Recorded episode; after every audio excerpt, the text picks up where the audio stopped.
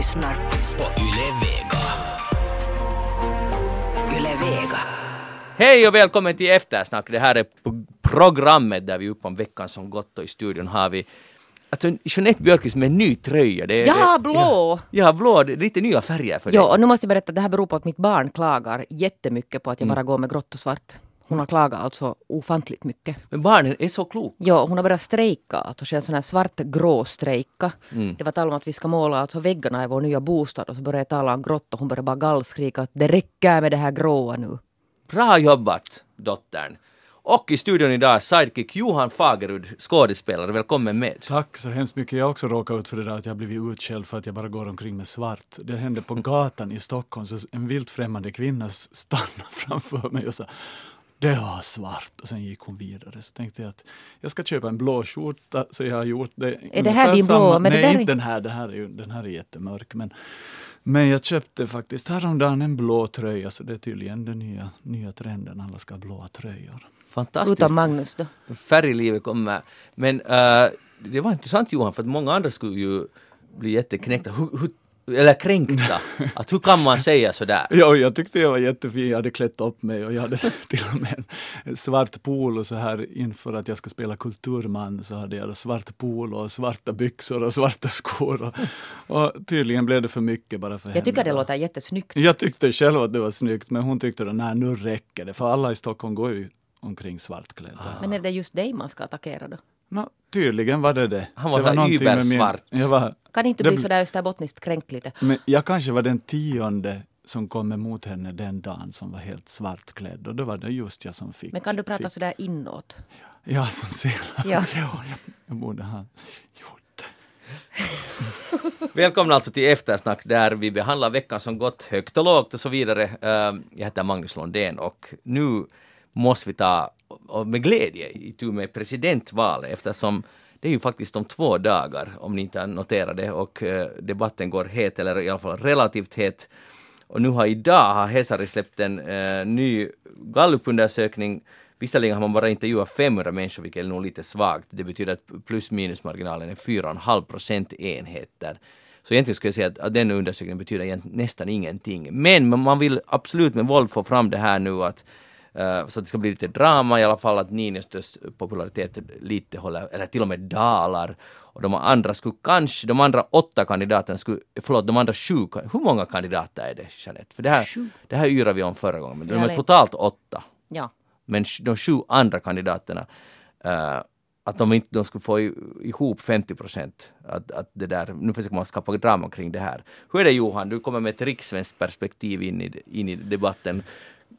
Kommer det att lyckas eh, och ska det ens lyckas? Mm, no, jag var alltså och röstade på ambassaden i Stockholm för en vecka sedan är det väl ungefär. Det var massa människor att rösta så att, att intresset var stort också i Sverige bland Sverige-finländare att få rösta och delta i det här valet. Men annars så tycker jag nog att personligen så var jag nästan nära att, att eh, rösta liksom på Niinistö bara för att det inte skulle bli en andra omgång. Men det insåg jag ju att var korkat så nu har jag då röstat på en annan kandidat. Men jag tror ändå att det inte blir en andra omgång. Jag tror att det blir klart redan med den här första omgången. Vilket Niinistö ju blir alltså skulle vara historiskt. Att han blir vald på första. Jo, jag tycker, jag tycker alltså som sagt, till och med Niinistö-fans borde hoppas på en andra omgång. Det låter lite patetiskt, men, men för demokratins skull. Jo, men nu har ju den här Klaus Stolpe i morgonens nyheter sagt att, att, man, att det är lite dåligt det här med att hänvisa till, till demokratikortet. Aha. Att det handlar ju om det att, att de här andra partierna enligt honom då har ställt upp, alltså inte de starkaste namnen. Där är alltså inga ministrar, inga sådana här eh, partiordföranden. Att de själva har lite skuld i det här. Bädda för det här. Ja. Nu är det en intressant fråga. Det där jag såg på den här svenska, på svenska Yle valdebatten som var mest på svenska och det var ju riktigt intressant. eh, att Har du inte sett på de andra? Faktiskt så inte så många faktiskt, men, men du får gärna, du kan berätta allt om de andra debatterna, så får du briljera Jeanette. Ni behöver briljera. Men det- alla val, sådana här kandidattest har ni väl också gjort? Alla? I- Några har vi gjort. Johan, hur är det med dig? Oj, jag fick Fick plötsligt hosta? någonting i halsen. Har ni lärt er det redan att så fort det blir politik, som jag sa när min fru höll på med politik, vi kunde prata om kultur, vi kunde prata om allt möjligt annat, men så fort hon började tala om lokalpolitiken i Vasa så blev jag tyst av någon anledning och gick på vässan. och på ett ovanligt långt besök. ja. Men det är bra, om man har en, en bra Kalle Anka där så kan man ju bli ganska länge. Det är ju det. Men hörni, eh, det var några intressanta grejer i svenska Yles valdebatt jag tyckte speciellt mycket om när den sittande presidenten som heter Niinistö då sa- Sauli. Vad sa du? Sauli sa, ja de, de, de fick ju kalla varandra vid förnamn där och du och varandra. Ja, I alla fall när Sauli gav en pik åt Paavo att du kritiserar, du går alltid bakom ryggen och kritiserar mig och aldrig ansikte mot ansikte. Det var lite häftigt att säga det. Och så sa äh, Paavo verkar genuint överraskad, i, alla fall, i så fall, men jag tror det ligger lite i det där nog, för att han var så snäll i den här svenska valdebatten mot, mot Sauli. Nej, det var en rolig poäng. Och sen Nils, Nils eh, de frågade, alltså alla fick en fråga, varför vill just ni bli president? Och det, det tycker jag är en jätteberättigad och viktig fråga. Alltså jag tycker man ärligt ska säga att jag tror att jag kan förändra och fixa det och jag, har, jag är ansvarskännande eller whatever, vad, man- vad man nu säger. Men Nils Torvald sa att vi, vi, vi måste vara med i debatten. Presidentvalsdebatten är Finlands största samhälleliga diskussion. Om vi inte är med i den är vi säkert på yttre sidan. Därför måste vi vara med. Ungefär i den här stilen. Uh, han var den enda som via sig själv och jag antar nu efter att ha funderat på saken, han talar om Svenska Folkpartiet. Vad skulle du tro Jeanette? Ja, det eller månne han tyckte att han inkluderade då alla svenskspråkiga i Finland. Ja, och det är ju helt rätt. Men det var bara synd det att frågan var att varför är du, varför vill du bli president? Jo, och sen det där vet jag inte att, att kan han nu ta sig liksom eh, kan han liksom utse sig själv till, till röst för alla svenskspråkiga i Finland vet jag inte heller. Nu är det ju oklart vad han menar. Men den där på tal om den här Paavo Väyrynen så han sa ju i nu har jag tittat på så många debatter men var det månne i MTV3s debatt så var det ju också lite gnabb där mellan honom och, och Niinistö. Och där sa han ju någonting att nej men att vi är ju goda vänner och någon borde göra, alltså de hade kameran då på Sauli Niinistö. och någon borde göra, alltså jag vet inte kanske det har kommit redan på, på sociala medier, någon sån här liten sån här mem av den här Niinistös min.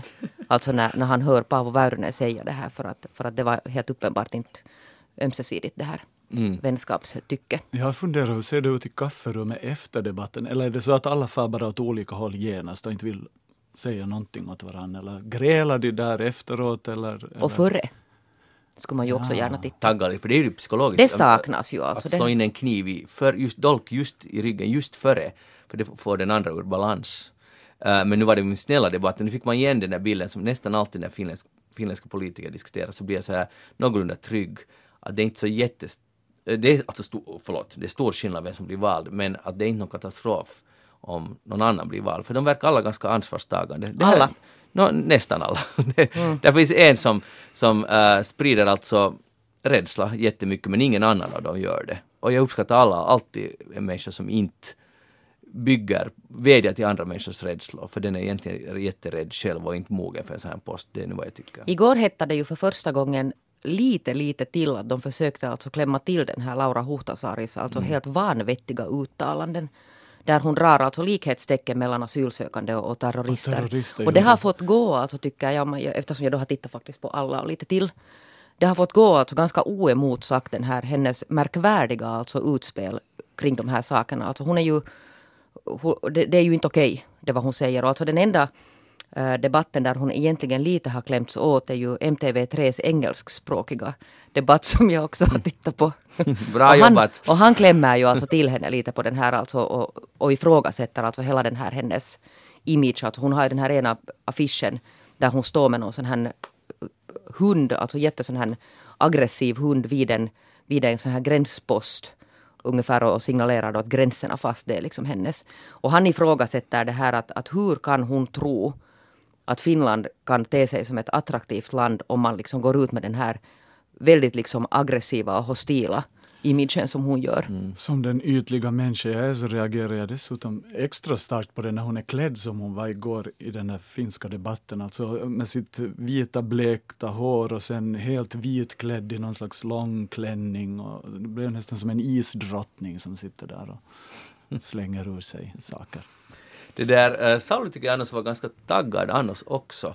Det är lite underhållande att sen, för det är, så här, det är ju det han lever på, sin finurlighet eller vad man ska kalla det. det kommer, Sauli Niinistö. Ja, lite sådär. Den är ju jätteväl dold den där finurligheten för han uttrycker ju sig otroligt komplicerat. Ja, men alltså, han sa när de skulle säga något till varandra, uh, uh, och de- de var ett par då, Niinistö och uh, Torvalds. Och då sa Niinistö att du läser mycket böcker men skriver du någonsin någon, har du skrivit någon bok? Att jag skulle gärna läsa det. Och det var, det var liksom lite oväntad pik. Och jag, jag förstår inte heller, är den ens är den berättigad den här piken? Men tycker du att det var en pik? Jo, jag, jag, uppfattade det så att han lite liksom att ja, du läser mycket och du citerar men liksom att jag skulle gärna läsa något. Alltså du skriver, du läser mycket men jag skulle gärna läsa något som du har skrivit själv. Jag uppfattade det lite som en sån där pik. Kanske det inte var det. Alltså jag tycker inte att det verkar alls som en pik och inte tycker jag heller att den här Torvalds verkar uppfatta det som en pik utan han verkar få en sån här, man såg det tände, in, tände en idé där. Snart kommer boken. Det är bara, ja, snart kommer boken. Men, men det där, okej, eh, sen eh, än en gång så är det uh, vitsigt att se hur svävande det nog kan vara, speciellt gällande Niinistö och NATO. Att, eh, att han kan helt enkelt inte svara för att han vågar inte och vill inte och kan, kan helt enkelt inte för att han hänvisar till att man inte kan veta.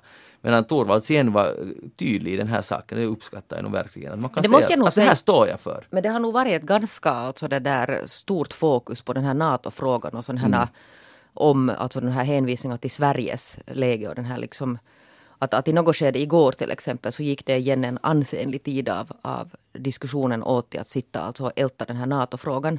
Sen kom det ganska mycket kritik för att de talade lite om de här pandorna också, den här Kina-politiken till exempel igår. så sen de här sociala mediereaktionerna, man sitter ju förstås och följer med sociala medier samtidigt. För att Du kolla gör- du liksom, gör det, ja. ja. Ja. Vad människor tycker. Så, så massa människor som alltså har blivit irriterade på det här att varför ska man nu prata om pandor? Vad har det liksom med, med presidentposten att göra? Jag tycker nog att det är helt berättigat att man talar om annat än om NATO. Och alltså ut, explicit, eh, vet ni, presidentens befogenhet. Att det är klart att det här är ett personval. Att förstås ska man kunna gå utanför utanför liksom de här egentliga befogenheterna för att få en uppfattning av, av den här människans värdevärld. Nu, nu, ja, det är säkert också så, men samtidigt så blir det ju lätt så, när de talar om skolsvenskan till exempel, jag visste inte att, att uh, i alla fall i det, alltså ska presidenten ha en åsikt om vilka läroämnen vi ska läsa i grundskolan? Det är nu så här lite ifrågasatt. Men nu är ju ingen av dem presidenter, alltså de kandiderar för Nej, jag vet, men det blir lätt så att man tycker till om allt möjligt som man de facto som president inte har egentligen, eller hemskt lite att göra med. Nej, och det har man ju, tycker jag att man har gjort klart, alltså det gjorde ju alltså svenska YLE. Det var ju klart att det handlar inte alltså nu om presidentens befogenheter. Mm. Men det är ju också mer att ge ett djup åt den här personen. Är det- det okej om vi går på vässan nu med presidentvalet? Ja, du blir så tyst. Men, men då har jag, jag har frågat dig. För Matti Vanhanen, äh, Centerns äh, kandidat och före Tidigare statsminister. statsminister. Så han, han, han sa i den svenska debatten att, äh, att i finskan har vi ordet hän. Vilket visar att vi är liksom jämlika i det här landet. Och det är det jag tyckte att wow! Ja, där var det. Men här måste vi I dra in den- svenskan har vi ju då hon och han och nu för tiden också hen, vilket kom fram där någon nämnde att det finns ju också hen. Jag bara alltså lite det där, om inte du har tittat på den här, hela den här alltså, för det handlar om den här med feminism och vem som erkänner sig som, som feminist. I Sverige är det ju Erkänner. alla liksom, nej men förstår ni att alla står ju med handen uppe, att det är ju liksom i Sverige en helt annan alltså, situation. Och här blev den här diskussionen om, om feminism och, Feministisk och, utrikespolitik. och feministisk utrikespolitik, det blev, alltså där brände det ju till ordentligt. Det provocerar alltså en del av de här otroligt, särskilt Laura Huhtasaari blev extremt provocerad. Och Matti Vanhanen också som absolut inte kan vidkännas som feminist och hänvisar då till att, att de har det här könsneutrala hän. Var det en fråga nu som jag ska svara på? Jo, jag, jag tycker att Ja. med ett svenskt perspektiv så tycker jag då att det, där, där satt den. Vi har jämlikhet i Finland för att vi har ordet hen. Nej, det tycker jag inte. Aha. Nej. Men eh, jag är ju däremot en vän av det här hen. Eh, om det nu har något med det här att göra. Men, men, men alltså feminist i Sverige, ja alla ska vara feminister, män och kvinnor och allting. Men jag tycker det har nu, efter det här metoo, så har det nu hänt en annan sak i Sverige. Det har kommit en ny mansrörelse. Alexander Bard, vet ni vem han är? Sitter i Idols-juryn, gjorde han väl tidigare också. Va? Nu har han startat en kampanj för att män ska få vara män och ordna kurser i, i att eh, hur man blir en bättre man. Och, eh, så jag tycker det nästan har slagit över åt andra hållet nu. I Sverige. I Mm. Sverige. Men vi är nog inte där ännu. Fast, fast kanske det är lite, vi, vi har kanske, Han har fått massa mothugg hugg också så att mm. Nåja, men andra toppar, sen jag lovar att vi går vidare från det här, men Huhtasaari lovar lära sig svenska om hon blir president. Hade kommit fram och eh, på tal om att säga nå- vad man står för, så det var bra. Pekka Haavisto sa att om han skulle vara president så borde, borde vi bryta all vapenexport, också materiel och sen till Förenade Arabemiraten som för krig i Jemen. Och det var ju bra. Han sa så här, det här är absolut vad vi borde göra. Och sen eh, sa Hatanen just att, som var ganska taggad i den svenska, att, att det där eh, man borde kanske ordna på UM en kurs i feministisk utrikespolitik. Och det tyckte jag var ganska häftigt. Det var lite så här att wow, i Finland, att nu ordnar UM den här kursen. Jag tror inte det kommer att ske. Men om hon skulle vara president kanske det skulle ske. Och så vidare. Och sen sa Kyllönen, hon, hon eh, sa, när någon frågade, eller det kom fram att Niinistö och inte- de inte så grälar så mycket i den här debatten. Och då sa Kyllönen att det är ju för att, för att Paavo sitter bredvid mig och jag representerar fred och kärlek. Det tycker jag var fint. Det tycker inte ni. Va? Jag tycker det var fantastiskt. Ja. Bra, äh, har ni röstat än? Nej, jag ska rösta på söndagen. Det är festligt. Ja, Ja, jag har alltså Du hade röstat. röstat redan, Ja. jag har också röstat. Och det kan man eh, hoppas att så många, det, och det 80 procent har uppgett att de tänker rösta. Jag tror verkligen jag inte tror det det blir så att 80 hälf, procent. hälften har en förhandsrösta. Det var något sånt. Det var något sånt. Hej, nu eh, går vi vidare. Nej! Vad är det? Ska vi inte tala mer om valet? Nej, nej Jeanette, nu måste du, bara, du måste bara acceptera. Men kan vi bara alltså, vi Ja. måste ju nämna att, att Svenska Yle har en sån här jättebra sån här quiz alltså kring de här presidentkandidaterna så här lite. Att det där att ni har ju då båda fått sex av tio rätt. Mm. Man kan gå in via vår Facebook-sida. Jag har fått tio av tio rätt. Jag har inte ens frågat hur mycket du har fått. Du, har, ni du sa det båda själv. sex. Mm. Du, vi fick sex poäng. Vi är lite outbildade tydligen om sådana här jätteviktiga Nej, saker. det, är inte alltså, det handlar inte alls om någon sån här outbildad, det handlar om sån här nörd Nörd. detaljer. Men du fick 10 poäng, alltså du, är- du, du är Jag vill ha flera sådana i klassen. Gratulerar. Jag älskar val.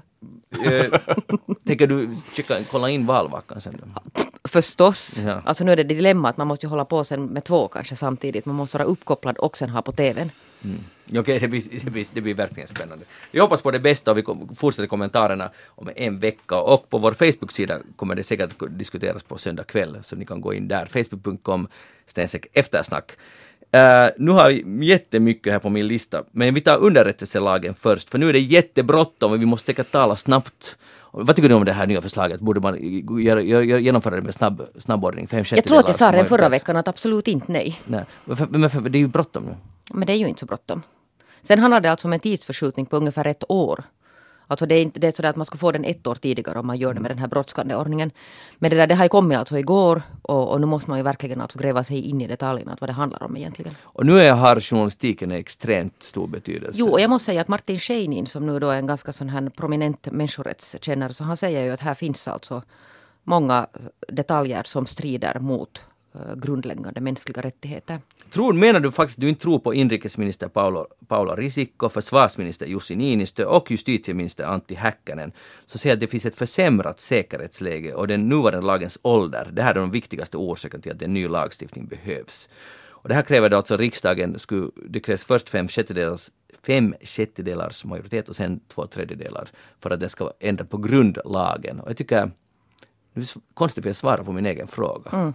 Men jag tycker att det är, man ska alltid vara jätteförsiktig när någon säger att det är bråttom med att ändra grundlagen. Alltså var, var, oberoende vilket ärende det är så måste man dra i handbromsen. Ja, där är för att, vänta, för jag, ja. jag vill bara så att det finns i USA exempel på att man efter 9-11 gjorde ganska vittgående förändringar som man nu har fått morkis om efteråt. Och det satte USA in på fel spår. Man måste vara stark i sånt här och, och fundera och eh, analysera. Ja, och där kokas alltså ner en massa sådana här, det finns liksom många detaljer som spretar ut här. En är den här skyddspolisens roll.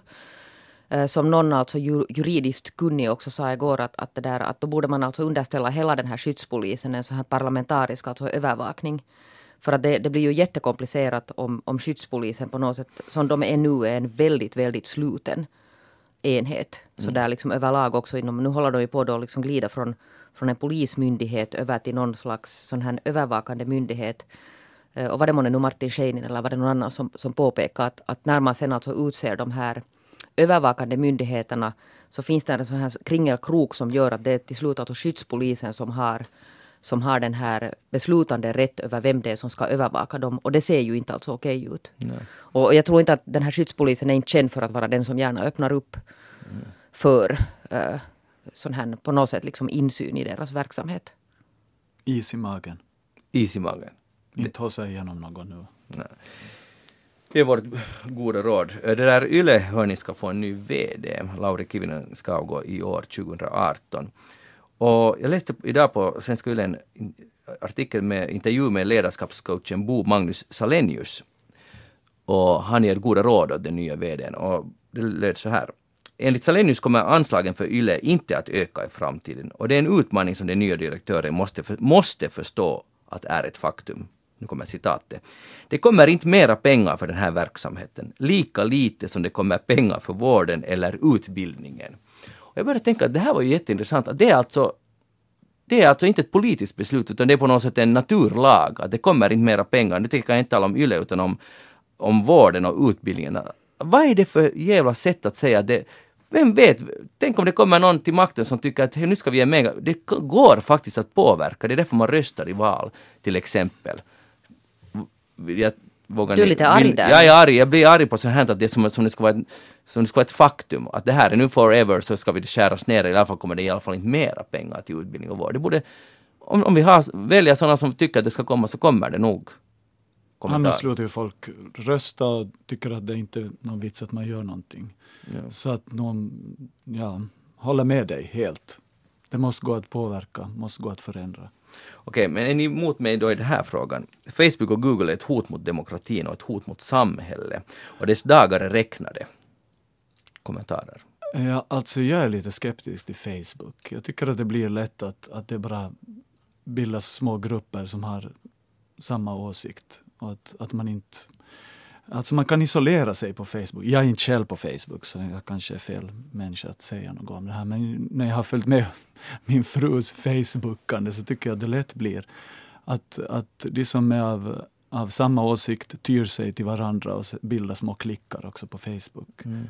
Det är helt sant. Och sen det där med att, att vem är det som, sen, som tror på att det här kommer att ta slut? Det kan hända liksom att det är någon av de här så kallade bubblorna. Men jag tror att det finns jättemånga människor idag som tycker att det är alldeles fantastiskt att man bara kan alltså bubbla där bland sina egna. Jag Men nu- tycker det är skrämmande. Jag Jo men det tycker du med. Jag tror att, och det tycker jag också. Alltså, jag tycker, tror att det är inte alltså hälsosamt det här att man bara alltså isolerar sig. Men jag menar sen å andra sidan så, så tittar man på etablerade mediehus som nu har väl så gott som alla lanserat den här, den här tjänsten att du kan välja vilka nyheter du tar. Alltså du kan liksom isolera dig också i ditt eget nyhetsflöde. Alltså det gäller inte bara Facebook, det gäller också alltså sådana nyhetssajter. Vilket jag inte heller tycker att det är jättebra att man kan kruxa i bara det som intresserar mig och sen Ja. kan man utesluta allt annat. Nej, det där tycker jag inte heller om. Jag, när jag läser DN till exempel på mobilen så kommer det automatiskt liknande nyheter som, utan att jag har valt dem, utan bara för att jag har klickat tidigare på dem. Och det tycker jag inte alls om. Jag vill gärna bli överraskad av någon nyhet som jag inte alls hade tänkt läsa. Mm-hmm. Det var alltså inte jag som sa det, utan det var George Soros som har talat på det här uh, World Economic Forum i Davos nu igår faktiskt. Och då, då höll han sitt tal och det handlar om det här att det är ett, det är helt enkelt ett hot mot samhället. Och det där, och i veckan kom det också fram att uh, att det, där, det finns andra som har sagt att uh, det borde, Facebook borde regleras som tobaksindustrin. Att det är skadligt, det är helt bevisat, bevisat det är så och nu måste man liksom ta itu med reglering. Det är ganska häftigt och tidigare så har det också Nej, utan här läste en, jag köpte, nu, nu hör ni alla hur det prasslar, jag var på resa och så köpte jag Daily Telegraph, papperstidningen. Mycket bra sätt att lära sig nya saker. Men här är en liten notis som borde ha varit på första sidan från, de, de, de har hänvisat till en studie i tidningen Emotion. Där man har undersökt eh, massor av, eller helt enkelt en miljon människor i åldern 13 till 18 och frågat är de lyckliga? Och vad är liksom lycka och så vidare och, och hur det definieras. Och med det här uh, samplet på en miljon människor, tonåringar, kommer man fram att de, de lyckligaste är de som är, som är mindre än, eller max en timme på sociala medier per dag. Att sen börjar den här lyckokurvan peka neråt och det är inte tvärtom att den som är olycklig är mer på sociala medier, hade de också kommit fram till. Förstår ni? Det är inte så att, att om man är olycklig eller känner sig ensam så drar man sig dit, utan man blir, alltså enligt dem, det här är inte jag som påstår det, blir, kommer, man blir liksom ledsen ju mer man är på sociala medier. Kan det här stämma? Jag tror att det kan stämma. Jag hör ju till dem som, jag trodde länge att det berodde på att jag var konservativ och trög och att jag inte var aktiv på Facebook eller sociala medier. Och min fru är mycket aktiv och jag blir ofta irriterad på att hon hela tiden kollar sin mobil, att, hon, att jag har svårt att nå henne för att hon är på mobilen. Och det är därför du måste leka katt ibland. Har jag sagt det någon gång? ja, okej, okay, för att få med. Nåja, eh, men eh, alltså nu fick jag ju det bekräftat. Det var inte länge sedan så hade Peter Wolodarski en ledare i DN om det här. Att nu tänker han ta paus från sociala mm. medier en stund. Så att jag tror att fler och fler, fler märker att, nej, att vi har blivit för beroende av det. Går och kollar hela tiden likes och... Men tänk alltså, om, om det här är alltså sant vilken, alltså om vi säger... Jeanette ser skeptisk ja, ja, det, Jag tycker det är helt bra att vara lite skeptisk, att kan det nu vara så här enkelt? Men om det nu är sant, vi har ändå talat om en miljon människor, om det finns ett samband, så tänk att det får fortsätta. För, vilken annan hälsovådlig sak som skulle göra människor olyckliga skulle, skulle få finnas. Ja okej, okay, okay, alkohol, nu finns det ju allt möjligt i och för sig. Men, men att, att det här, det är bara nice. Men ändå. vad är alltså det där, vad tycker du lösningen skulle vara? Har, det är just att jag har ingen lösning. Alltså gå in och förbjuda Facebook? Nej, nej, för det går ju inte heller. Varför skulle det? För det ger, det ger ju också glädje och samhörighet för många människor. Det är ju alltså jättemycket det där att hur man använder. Alltså då när Facebook kom för, vad är det nu då, tio år sedan, kan det vara så länge? Uh, så var det ju den här, alltså det här primära var det här alltså sociala nätverket, att man kunde alltså börja hitta till exempel mm. sådana gamla klasskompisar och sen, och sen därifrån har det ju utvecklats till någonting helt annat. Och sen finns det ju en massa mediehus till exempel som har gjort sig totalt beroende av Facebook. Att man på något sätt liksom att, att det är den här externa alltså innehållsproduktionen som man styr via Facebook, vilket jag alltid har undrat att varför gör stora mediehus så att man gör sig beroende av det här. Att, mm. att, jag menar, vad är Facebook skapat av? Vad är det liksom som har blivit det är ju människor som har gjort det här. Uh, ja, men uh, jag tror att det kommer att gå så. Inte tror jag att någon det blir förbjudet, för det ska också vara... Ska, men man kan inte stoppa det nej, här nej, heller. Jag tror, jag, tror, jag tror att det kommer att stoppas på det sättet att människor tröttnar på det. Att plötsligt börjar man bli... Att allt fler börjar tänka... Jag tror att Facebook är på väg ner. Att det, det här kommer att gå om. Det kommer någon gång något annat och så vidare. Men att, att nu börjar... Först ser vi bara fördelarna och så kommer det... Uh, krabbisen kommer sen att shit, det fanns ju en massa nackdelar också. Men det som har hänt alltså under den här tiden är ju det till exempel att de här, de här alltså bubblorna som har hittat varandra. Och särskilt kanske de här, de här lite eh, mindre toleranta bubblorna. Så jag tror att de stortrivs alltså i, i det här att man på något sätt har lyckats hitta varandra via de här och man trivs tillsammans. Och sen för man alltså då sin, sin kamp mot det här mot det här omgivande samhället och, och sketna liksom medier och, och liksom hela den här konspirationsteorin som alltså bubblar där i det. det jag tror inte att de kommer alltså. Nej, nej, men de hittar ju andra kanaler i så ja, fall. Precis. Det, det, det, det är inte, men menar, vi talar nu om, om så kallat vanligt folk så tror jag att Facebook småningom kommer, det och det märker man i Zuckerbergs uh, utlåtande. Nu är han plötsligt inte lika Säg kaxig mera. Zuckerberg heter ja. han. Han är inte lika kaxig mera. Och han har börjat inse att vi måste, och de ska nu det stod också i den här tidningen jag köpte då, tors, tisdagens tidning i Daily Telegraph, står att Facebook anställer ytterligare 10 000 människor, människor för att moderera innehållet på Facebook. Det betyder att man är villig att satsa, hej, att vi måste klamra oss fast vid den liksom, makt så att säga, vi har och den ekonomiska modell vi har. Att vi har råd att satsa 10 000, sådär bara anställa 10 000 folk som inte genererar i sig några pengar alls, utan ska bara försöka stoppa hatet. Men vi måste det, det är nog ganska intressant. Jo, men sen måste man komma ihåg alltså att, det där, att, att man kan ju peka finger mot, mot Facebook och hela den här ledningen och liksom alla som, som ligger bakom det. Men det är ju människor som mm. gör det. Mm. De kan inte ta ansvar. Om inte människor kan bete sig på sociala medier så är det väl inte Zuckerbergs fel. Nej, inte det är hans fel. Nej, no, det är ju no. liksom men, mänskligt mm. psyke. Nej men alltså allvarligt talat. Mäns, mänskligt inte han ju ja. ansvarig för varenda en som, som sitter till exempel och spyr hat ur sig. Det är ju liksom i den människan felet finns. Det är sant. Men uh, skulle du kunna tänka dig att sluta med Facebook? Och med andra. Eh, eh, jag vill säga bara en sak om George Soros. Han sa inte bara om Facebook utan också om Google att man koncentrerar för mycket makt. Och det kommer en, en statlig apparatur till makten i ett land så kan den kräva jättemycket information av till exempel Google som har, sitter på allting. Att det är skrämmande allt de så att säga vet. Det är inte skrämmande just nu men det kommer en annan regim eller man råkar i onåd någonstans så all info, info finns där. Och att det borde också motverkas. Men förlåt. Du, men det är därför man inte ska hossa Precis. Men nu har vi ju alla hossa in i, i de här sociala medier. Det har liksom bara gått av sin egen tyngd. Samma den här Google, alltså fokuseringen, har också bara gått så lite som den här underrättelselagen. Man ska inte hossa. Man ska Nej. lite ta det lugnt liksom och titta att vad, konsekvensbedömningar i tid. Där satt den. Jeanette Björks, vad du tänkte på den här veckan? Men jag har tänkt också på sådana här undersökningar som man har gjort. Du hänvisar till ungdomar. Jag har också alltså tänkt på ungdomsundersökningar. För det har man gjort i Sverige. Man har alltså undersökt svenska unga och unga vuxna eh, mellan 15 och 24 år. Lite sån här vet ni värdevärld och hur man identifierar sig och liksom hur, hur det nu känns sådär att vara, vara svensk ung. Och, och det visar sig att, att det där att det är då tydligen ganska populärt i Sverige att identifiera sig som vegetarian.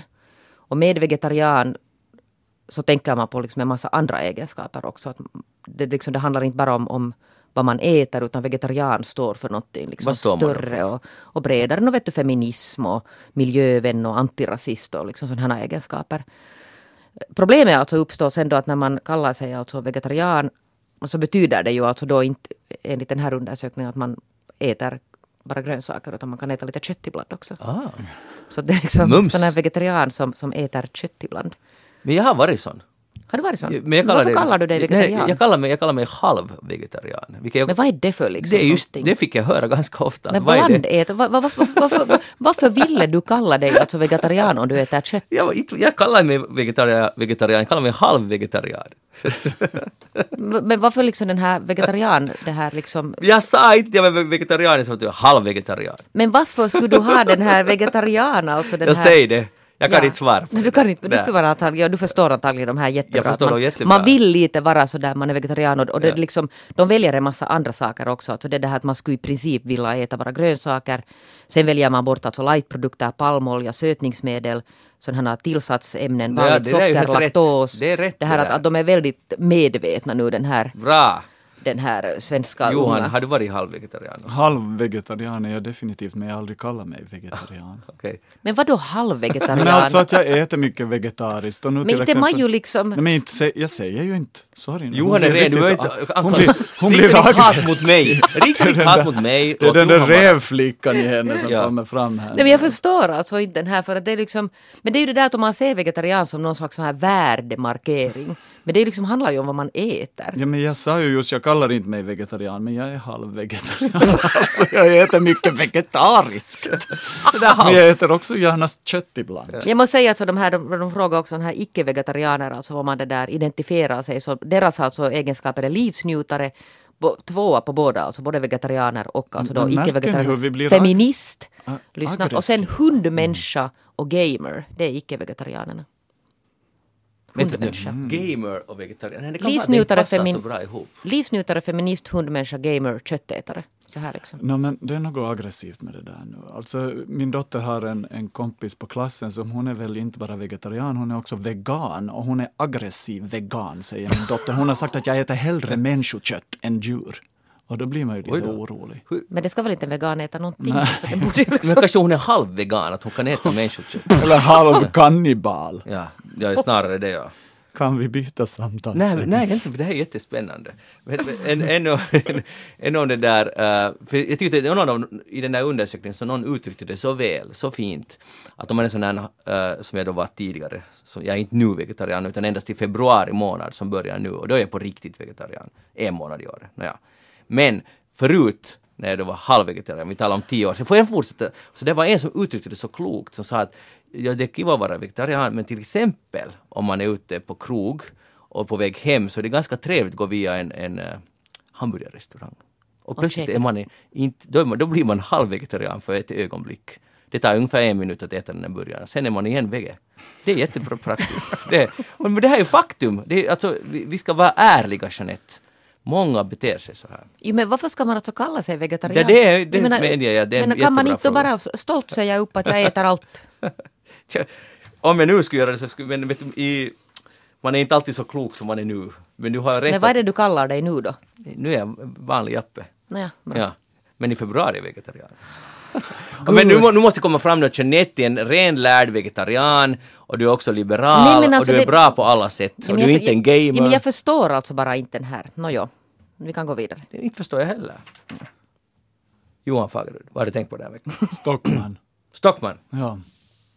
Har ni pratat om det redan i eftersnack? Mm, ett par gånger, men det är nog länge sedan. Ah, ja. Låt komma. Nej, men alltså nu när jag kom tillbaka hit till Helsingfors så kände jag att nu ska jag gå hem. Alltså alltid när jag, när jag flyttade hit, när jag flyttade hit som 18-åring 83 och hade hemlängtan till Österbotten, så gick jag alltid till Stockman och åt Jakobstads glass. Och det var något med det där varuhuset, att, att, att där var man trygg och där, att gå in i, det är ju ett gammalt fenomen, när man börjar med varuhus, ni kanske sett på de här varuhusserierna, Ja. alltså om, om Målet var att skapa en trygg miljö som skulle kännas som ett hem dit man gärna far och handla och där man ja, känner sig trygg. Men nu när jag gick till Stockholm så kände jag inte mig hemma längre. Jag vet inte vad det är som har hänt. Och så, såg jag, så läste jag om det här när delikatessen då har tagits över av vad det är. S-gruppen Ja. eller vad det är. Och hur fort, fort folk reagerar på förändring. Är det bara, ni har inte reagerat på det här? Alltså, Jag har inte varit på delikatessen på ett år eller två år kanske. Nej men alltså så fort det inte var svenska skyltar så blev det Mm. debatt. Och jag funderar, vad är det med det där fenomenet med, med varuhuset som, som trygg miljö? Är det något som, som um, håller på att luckras upp nu när alla handlar på nätet? Och eh, hur ska man, hur ska man hålla kvar Stockman? Det är väl det som är Ja, frågan. det är kanske lite sent nu, det, just det. Men jag tycker, det, jag tycker faktiskt att en sån här dedikation till ett uh, varuhus eller till ett varumärke egentligen är en ganska fin sak. Ett varuhus är ju mycket mer än ett varumärke och det är det som är hela grejen. Det det som du sa, det är ett, ett hem vilket låter lite bisarrt. Det låter Ja. bisarrt, men det har att göra med tradition. Alltså, jag vet inte, när ni var små, gick ni med era familjer och alltid drack kaffe på Stockman? Verkligen inte. Nej, vad gjorde ni då? Jag visste knappt om att det existerar något som heter Stockholm. ser du, jag är ju vuxit upp i Jakobstad och då hade vi Stockman i Jakobstad. Men det hade vi inte i Pirlax, det Var kan jag fanns det säga. Stockman? Ja, ja, några år när jag var liten och det var ju liksom lördagsnöje att man gick dit upp till tredje våningen och så tog man kaffe med mamma och pappa och så fick man spela lite pajazzo, sådana 20 pennis pajazzo eller så satte de en i den här raketen som, som man skulle betala lite för så åkte den av och an så här. Wow. Så roligt hade Stockman har jag bjudit på så mycket. Men det är ju jätte, eller det är nog ganska sorgligt. Alltså som motsats till näthandel är det ju fantastiskt att, att, att folk ännu har ett behov av att det ska finnas ett sånt äh, tryggt trygg shoppingställe. Det är ju nog helt, helt Alltså det är väl för att jag är så kaotisk själv så då vill jag ha den där trygga miljön som inte ska ha förändrats överhuvudtaget. Så Men- nu går jag till NK i Stockholm istället och dricker kaffe med mina barn. Bra att det finns, att det, traditionen kan fortleva men det är, ju, nu- det är ju ganska ledsamt när man går till Stockholm idag på det sättet att, att det är mer som ett galleri bara en massa olika. Så jag tycker det är fräckt mot kunder. Alltså jag måste säga att det där, just den här, alltså jag, jag har ju försökt följa med den här, alltså det väcker inga passioner hos mig den här Stockman eller delikatessen eller något sånt. Jag har absolut alltså ingen relation till det här stället. Nej, för då när delikatessen hade bytt så det var, det var, det var det, jag, jag älskar att höra människor från en som har andra saker, prioriteringar i livet. Så där kom det intervjuer med just de här som var jätteupprörda över att det ska hända och att det hade hänt och att uh, prislapparna inte var på det, det och det språket, vilket jag nog kan hålla med om att det är lite konstigt, men i alla fall uh, den här passionen som fanns för en matbutik. Och det, det kan jag inte heller uppbåda, men jag tycker att det är härligt att det finns människor som de brinner så starkt för det. Alltså Ja, nu är det orsaken, till, bra. att- orsaken till att jag tog upp det var bara för att jag funderar just på det. Att Ja. varför reagerar folk så kraftigt, utom då Jeanette, som inte har vuxit upp med det här. Men nu, nu är det alltså, jag tycker att Stockholm ska vara extremt tacksam att det finns så dedikerade kunder. Alltså, att, att, Men det att måste vi ju till ha och med här sitter och snackar om Men ett det måste ju ha någonting att göra just om det här att man behöver någonting bestående. Samma orsak till att den här Niinistö har nu så otroligt stort stöd. Det här att man, nå- någonting så här stabilt, någonting bestående Jag i tänkte på en det just, föränderlig va- värld. Jag tror det är därför alla tror att Niinistö fortsätter nu, för att man vill ha den där tryggheten. På samma sätt som när jag var liten så var man ju livrädd för att inte Kekkonen skulle fortsätta. Mm. Man, sen när han slutade så blev man ju livrädd. att Jämförde vad du hände? nu Nej, Kekkonen och nej det Niinistö? gjorde jag inte, men jag menar som fenomen, alltså det där att oj, vad ska hända med världen nu när Kekkonen inte längre finns? Jag tänker att det gick hem, alltså där i alla stugor så tänkte vi ungefär så där och sen när, vad var det, konstitutionella högerpartiet C. Ernroth, Georg C. Ernroth vågade säga emot lite på typ 73 när Kekkonen skulle bli vald utan val. Och det tyckte man att det var oerhört att någon kan göra någon, en sån Minns sak. ni det här? Eh, jag har läst ja, om det. jag, Men men jag tycker att nu, nu berättar det ju om tidsandan, att det ska inte ens vara ett val. Och den som tycker att hej, borde vi ha, hej, ska vi ha presidentval som vi brukar ha? Nej, vi ska inte för nu, då, då skiter sig allt. Så nu är det ju konstigt. Men det var någon som nämnde igår, alltså på tal om det här med presidentval, att, att vem var det som sa i den här debatten igår att, att signalerna är det att man vill inte ha en andra omgång i Finland för att man vet att det kostar. Så det säger ju någonting att nu har det ju gått hem alltså det här vad man har piskat i det här liksom folket.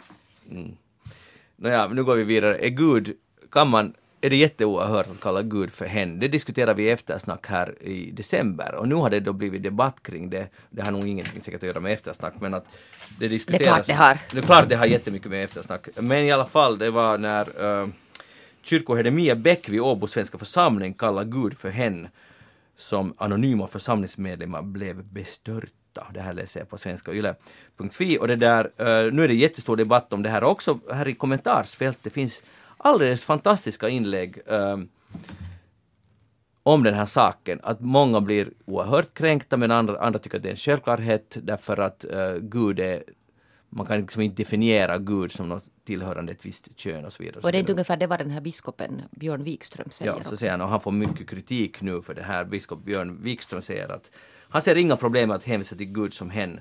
På finska gör man ju det hela tiden. Hän gör ingen skillnad mellan man och kvinna. Se, Här kommer det fantastiska ordet hän igen in. En hyllning till finska. Men eh, hur ser du på den här saken Johan? Alltså jag lutar nog åt Björn Wikströms håll där att jag, jag har inga problem med att se Gud som hen. Jag tycker tvärtom att det är bra om kvinnor inbegrips i det. Men är Gud, kan man faktiskt säga att Gud är en kvinna eller en man? Är det inte större än så? Det är Större det, än så. Det, så ska jag personligen U- Utifall alltså att man då tror på Ja. det här Ja. överhuvudtaget. Men fast man inte tror.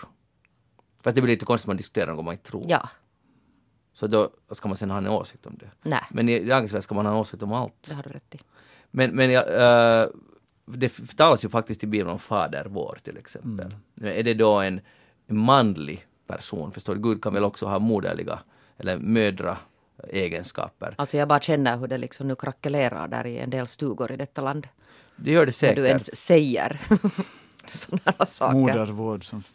Ja. Jag måste Modergud. fundera lite på det här. hör du.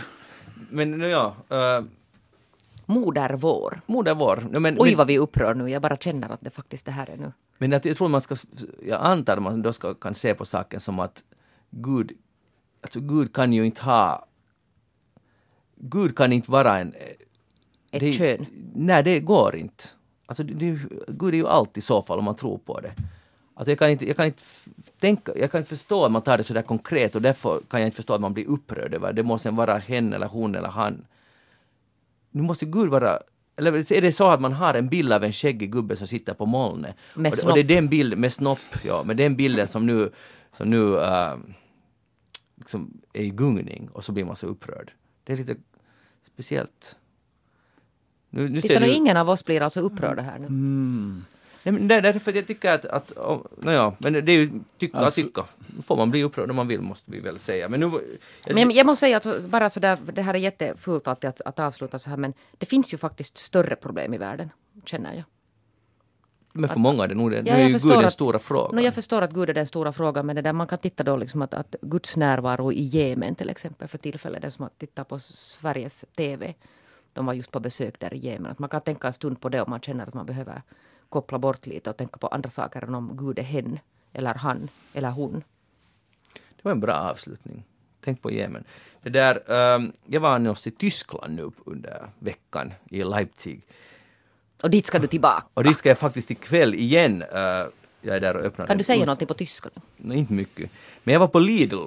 Med, jag, var där med en kompis och han sa att man måste alltid gå till Lidl när man är, man är utrikes i Europa då. Så gick vi dit och jag, jag skulle bara vilja berätta att det billigaste vinet på Lidl, gissa vad det kostar? En Två flaska euro. vin. 1,95. Det är helt fel för det kostar en euro och 19 cent. Just saying. Att om man går, om man liksom är törstig på vin i Tyskland så finns det alltid den här möjligheten. Man behöver bara 1,20 i fickan så får man det vinet. Och det är ganska häpnadsväckande. Jag vet inte om det är viktigt. Men det var rosévin gjort typ i Frankrike. Det var säkert inte så gott för jag köpte inte det. Men dessutom hade de champagne på Lidl och det tycker jag också om när två olika världar möts som jag inte trodde att kan mötas. Champagne på Lidl, 17 euro.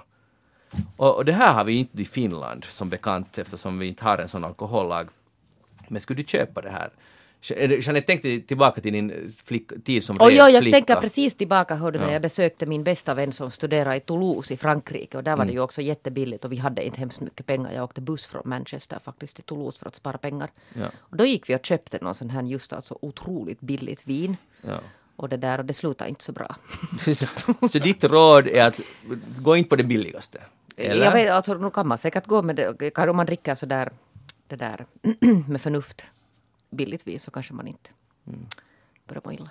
Men hur kan man Johan göra vin ens och sälja det för 1,19? Men det måste ju vara någon sån här restprodukt där från något. Men alltså, det finns ju ingen vinst för någon där. Det, alltså, det, det övergår mitt förstånd.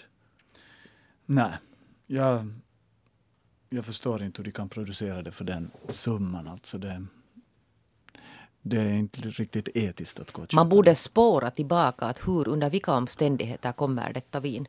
Är det inte någon sån här, vet ni, papperslösa sådana här slavarbetare? Men nu ska du det har du ingen aning om. Nej, nej, men jag sa att man Nej. borde alltså spåra det här och kolla. Man borde ja, men du, okej man borde. Men jag, jag vill fråga Johan en viktigare fråga. Johan, om du det där, du far nu med din fru på, till Leipzig på, på en kulturresa. Det är ju alltså som Berlin före turisterna invaderar Berlin, ser de i alla fall själva. Ja, och, och, och så har du möjlighet att köpa det här 1,19. Skulle du göra det på Lidl? Alltså, jag hörde, det, det, vinet skulle jag inte köpa, men jag hörde att de hade champagne för 17 euro. Jag rädd att jag skulle göra det. Bättre deal, okej. där- Jag tror att det där är alldeles gott råd på många olika sätt. Nu går vi igen, igen, än en gång vidare. Hörni, det kommer att, trots allt att ta tio år tills förar, förarlösa bilar tar över. Det säger Ubers chef nu igen på en konferens i Tyskland i veckan. Han heter Dara Koshrov Shahi. Säger han. Han försöker nu putsa upp Ubers rykte och Uber har ju varit de som har agerat hårt för att det ska bli förarlösa bilar för de ser större möjligheter till vinst där. Då behöver man inte ha människor på jobb. Inte för att Uber naturligtvis har någon människor på jobb utan det är ju helt fristående chaufförer som inte har något med Uber egentligen att göra. Men så vidare. Eh, och så vidare. Men eh, nu säger han att nu ska vi ta det lite lugnt för det kommer inte gå så snabbt. Det finns många problem. Man måste nämligen kartlägga varenda kvadratcentimeter i den stad som man ska köra. köra digitalisera allt så det inte kan hända någonting. Och det här är knepigare än någon hade riktigt anat eller förstått Var det så att det inte kan hända någonting? Hända vadå? olyckor. Man måste veta precis liksom, man måste veta allt i den där miljön där bilen kör. Men nu har de ju just i Stockholm denna vecka alltså börjat testköra någon sån här förarlös buss. Var det inte så? Såg jag på nyheterna. Ja, alltså det testas ju överallt, men Ja. vad, han- vad han menar förrän det är att man kan gå ut genom sin dörr och bara vifta ner en, en Uber förarlös bil. Att vet inte, alla bilar bara far omkring. Det är ju på ett sätt kunde vara helt ekologiskt att, att ingen äger sina egna bilar. Man bara går ut och så, om man vill ha en skjuts så kan man ta den. Eller så tar man cykel. Alltså, hellre tar man cykel naturligtvis. Men i alla fall, eh, ser du Johan fram emot förarlösa bilar? Alltså jag cyklar också hela tiden i Stockholm. Men äh, förarlösa bilar, hmm, jag är nog lite skeptisk. Är det faktiskt möjligt att kolla alla hörn i en stad så att det inte sker olyckor? Men vem vet, jag, när, när folk började med förarlösa metrotåg var väl folk skeptiska också, men nu funkar det ju hur bra som helst. Mm. Jag känner bara att den där metron går på en räls, alltså den är på något sätt sån här stabil Ja. på ett ställe. Men en stad, jag menar, hur, jag vet, hur kartlägger man varje cent? För att det finns ju alltid element i en stad som rör på sig, sådär som fotgängare till Men nu kan ju en bil, förarlös bil Men så att säga se. Jo, men jag förstår inte att vad är det liksom som behöver kartläggas där? Det är nog en bra fråga, men så här sa han i det här på sin konferens. Månne inte han har funderat på saken. De kör med en reklamkampanj nu på biograferna med en bil som läser av genast när det kommer. Och den är hemskt effektiv den där reklamen för det handlar om en liten flicka som är på väg till skolan och mamman klär på henne och följer henne. Och så parallellt så klipper man ihop det med en bil som kör på en väg, en fin snygg bil och sen kommer flickan och ska just gå över gatan och så är föraren disträ men ändå så bromsar bilen exakt när flickan går över gatan. Alltså det, det vill få oss att märka att det är tryggare med en förarlös bil eller med en bil som känner av själv när, när en flicka går över gatan. Så att Och det där kanske är det, det, ja, det, jag märker att det funkar på mig faktiskt. Att ja, kanske det är tryggare att, att det inte är en människa som sitter där och kör. Jag tycker att det är alltid bra om man litar helt blint på att elektroniken aldrig har något, liksom, drabbas av något problem. Ja, det kommer, antagligen kommer det att gå som det gick med den här zeppelinerna, de sen någon sprängs i luften och sen oj, det var inte så bra idé, vi skippar det här, men det kommer något nytt. Men Johan, jag tror att du har rätt att det är det här de kommer att, det här är, inte, det här är bara den första filmen. Nu, det, det här är budskapet som kommer att gå ut de närmaste tio åren, tills vi alla har en förarlös bil eller, eller hur den sen kommer att funka. Men nu finns det ju många bra saker med det. Jag, tycker, jag är fortfarande tycker att det är en bra grej. Alltså, personligen så skulle jag hellre hoppa in i en förarlös bil när jag ska till landet, som jag nu sagt många gånger förut. Det är ju helt jätteskönt. Och så behöver man inte äga en bil om man på något sätt kan dela dem flera. Det är ju vansinne att alla i städer, alltså i st- större Hur städer. kan du tro att det betyder att, att ska inte alla sen ha sin egen förarlösa bil? Jag hoppas att det blir så, det här kan ju jättenaivt igen, men jag hoppas det är så som sagt att man kan beställa en, det blir som en taxi mera. Man har inte egna bilar utan de, de finns på gatan och så går man bara in och, betalar på något sätt. Inte vet jag, jag Jag känner på. att bilindustrin är helt med på det här. De kommer nog att utveckla det åt det här hållet. Min fru kommer att sakna taxichaufförerna för hon åker mycket taxi. Hon berättar ofta om roliga anekdoter som, och, och berättelser som hon har fått ta del av. No, det där är nog alldeles sant faktiskt om man tänker. Sen försvinner hela den yrkeskåren. Ja, nu, nu blir det här lite jättekomplicerat. Varför, varför, varför sa du så där? Men, ja, men det finns my, mycket att fundera på. Vi får se hur det går. Hej, ehm, det ska bli slut på undervisningen i latin i en skola. Det där, har ni någonsin studerat latin? någon Nej, där? men jag känner alltså vänner från Tammerfors som har studerat latin i grundskolan. Aha, och hur är det med dig? Jag har inte studerat latin själv, men jag tycker det är synd om det försvinner. För det är en skola i England, Richmond School, och den har lärt ut latin sedan, man vet inte exakt när skolan är grundad, den är grundad någon mellan 1361 och 1474. Det är ganska länge sedan för, för en skol, äh, skola det där. Och de har lärt ut latin varenda år, vart, vartenda år sedan sin start, alltså senast 1474. Men nu, nådens år 2018, blir det slut på den saken. För nu är det 17 elever och de har inte pengar nu för att kunna hålla det igång nästa säsong, nästa läsår. Och det här, fast det inte angår ju oss egentligen överhuvudtaget, så tycker jag, jag tycker bara så här av princip att tänk att vara den rektorn som bryter en tradition. Att nej, vi nu det här 2018, vi skippar latin. Att inte det är så viktigt. Och de har hållit på alltså i, vad blir det, Näst, typ 600 år varje år. Och där är ändå 17 elever. Ja. Jag tycker det är ganska många. Ja. Jag tycker också. Men de har inte, de har inte råd nu att göra det här. Uh, så har ni någon hälsning nu till Richmond School? Det där att se över den här budgeten nu en gång till. Jag får fundera på saken ännu en gång. Ja. Vi hoppas det blir uh, ordning och reda på den saken. Jeanette, en ny nyhet som jag också har läst här i någon av dessa tidningar som jag har köpt, att vänsterfotade katter, jo det här var faktiskt på första sidan, att vänsterfotade katter är mer pessimistiska än högerfotade. Katter. Du hörde rätt. Kan du lite öppna den här kvalitate- kvalitetsforskningen bakom det här? Ja, det, nu, det var ändå, alltså, jag vill säga att det, Daily Telegraph är en av England, Storbritanniens Jo, största vet vi. tidningar. This Och- we know. Och det var på första sidan. Och det var också att man ska... Alltså här är det en Men artikel. det där, jag är jätte nu, jag vill höra om hur man det där utreder, vad sa du, pessimism och optimism i katter. Det undrar jag, det står inte faktiskt. Men om du skulle måste vara forskningsledare för det här projektet, så hur skulle du göra? Hur tar man reda på om en katt är pessimistisk? Alltså det där, jag har faktiskt ingen aning. Och då ska du veta att jag är väldigt insatt i katter. Men, men det, är, det är på något sätt... Uh, Tittar den ut hellre genom fönstret? Inte vet jag hur utreder man liksom. känner du inte dina, dina katter? Jag menar, alltså, vet du, inte på den här nivån. Nu tycker jag att det låter som att det har gått lite överstyr det här. Har du Johan någon erfarenhet av katter? Jag har katt och jag, ni sa ju just här att jag ibland spelar katt för att få ömhet. Inte var det jag, vi som sa det, var du själv som det berättade var en det, gång. okej. Vi kommer ihåg hände. Nej men alltså, eh, jag har inte tänkt på om vår katt är vänstertassad eller högertassad, men han är ganska optimistisk faktiskt. Men hur ser du optimism i Nej, katter? men, eh, till exempel nu när vi kom tillbaka till Stockholm efter att ha varit julen i Larsmo han har fått springa fritt. Så skulle han ha varit pessimistisk skulle han ju ha säckat ihop i ett hörn, men han såg glad ut och hoppade upp i fönstret och tittade. Ja, Så det är stor skillnad. jag tycker det är stor skillnad, man märker fort på en katt. Men vänta nu, och hur sa du att vänstertassade Uh, mm, le- vänstertassade... Nej förlåt, det här var ju hundar. Vad är det jag säger? det, är därför vi inte har koll Cat, dog, cat är katt, dog är hund. Ja, exakt. Men alltså hela artikeln handlar om katter, men så har de satt in ett citat om, från samma undersökning som handlar om hundar. Så det är alltså hög, vänstertassade fötter är mera pessimistiska än högertassade hundar. Nu kom, nu blev det rätt tur att jag... Att, Fötter, va? Tassar? tassar. Tass? Ja. Tass? Det är det som hundar har. Ja, men Sa jag det- fötter? Jo. Oj, ursäkta. Gäller det Så blev hundar eller katter? rätt. Jag förstår Det gäller hundar och nu måste eftersnack sluta för att ja. får inte, jag, blir, all- jag sjunker allt djupare i träsket här. Jeanette Björkqvist, det var, det var jätteroligt att ha, är du högertassad eller vänster? Jag är det där högertassad och min dotter är vänstertassad. På riktigt? Ja. Nu måste du kolla det här med optimismen. Hon verkar vara mycket, mycket Hon är mer ingen optimist. hund. Nej, hon, Gäller det hon, är, hon är mest, men hon är mycket mer optimistisk än du när hon hade det med färgerna. Det är, liksom, det är ett Ja. tydligt tecken på optimism. Uh, Johan Fagerud, höger eller vänstertassad? Höger. Höger, ja det är jag lika. Så tack för att ni var här i eftersnack. Uh, vi ska sluta med, jag var alltså i Leipzig och köpte en vinyl från 1988, en maxi-singel. På den gamla goda tiden när det trycktes meningslösa maxi-singlar. Och här är nu en av mina fa- favoritlåtar, Revolution Baby. Och vi är tillbaka igen om en vecka. Ha det så bra. Hej då. Oh,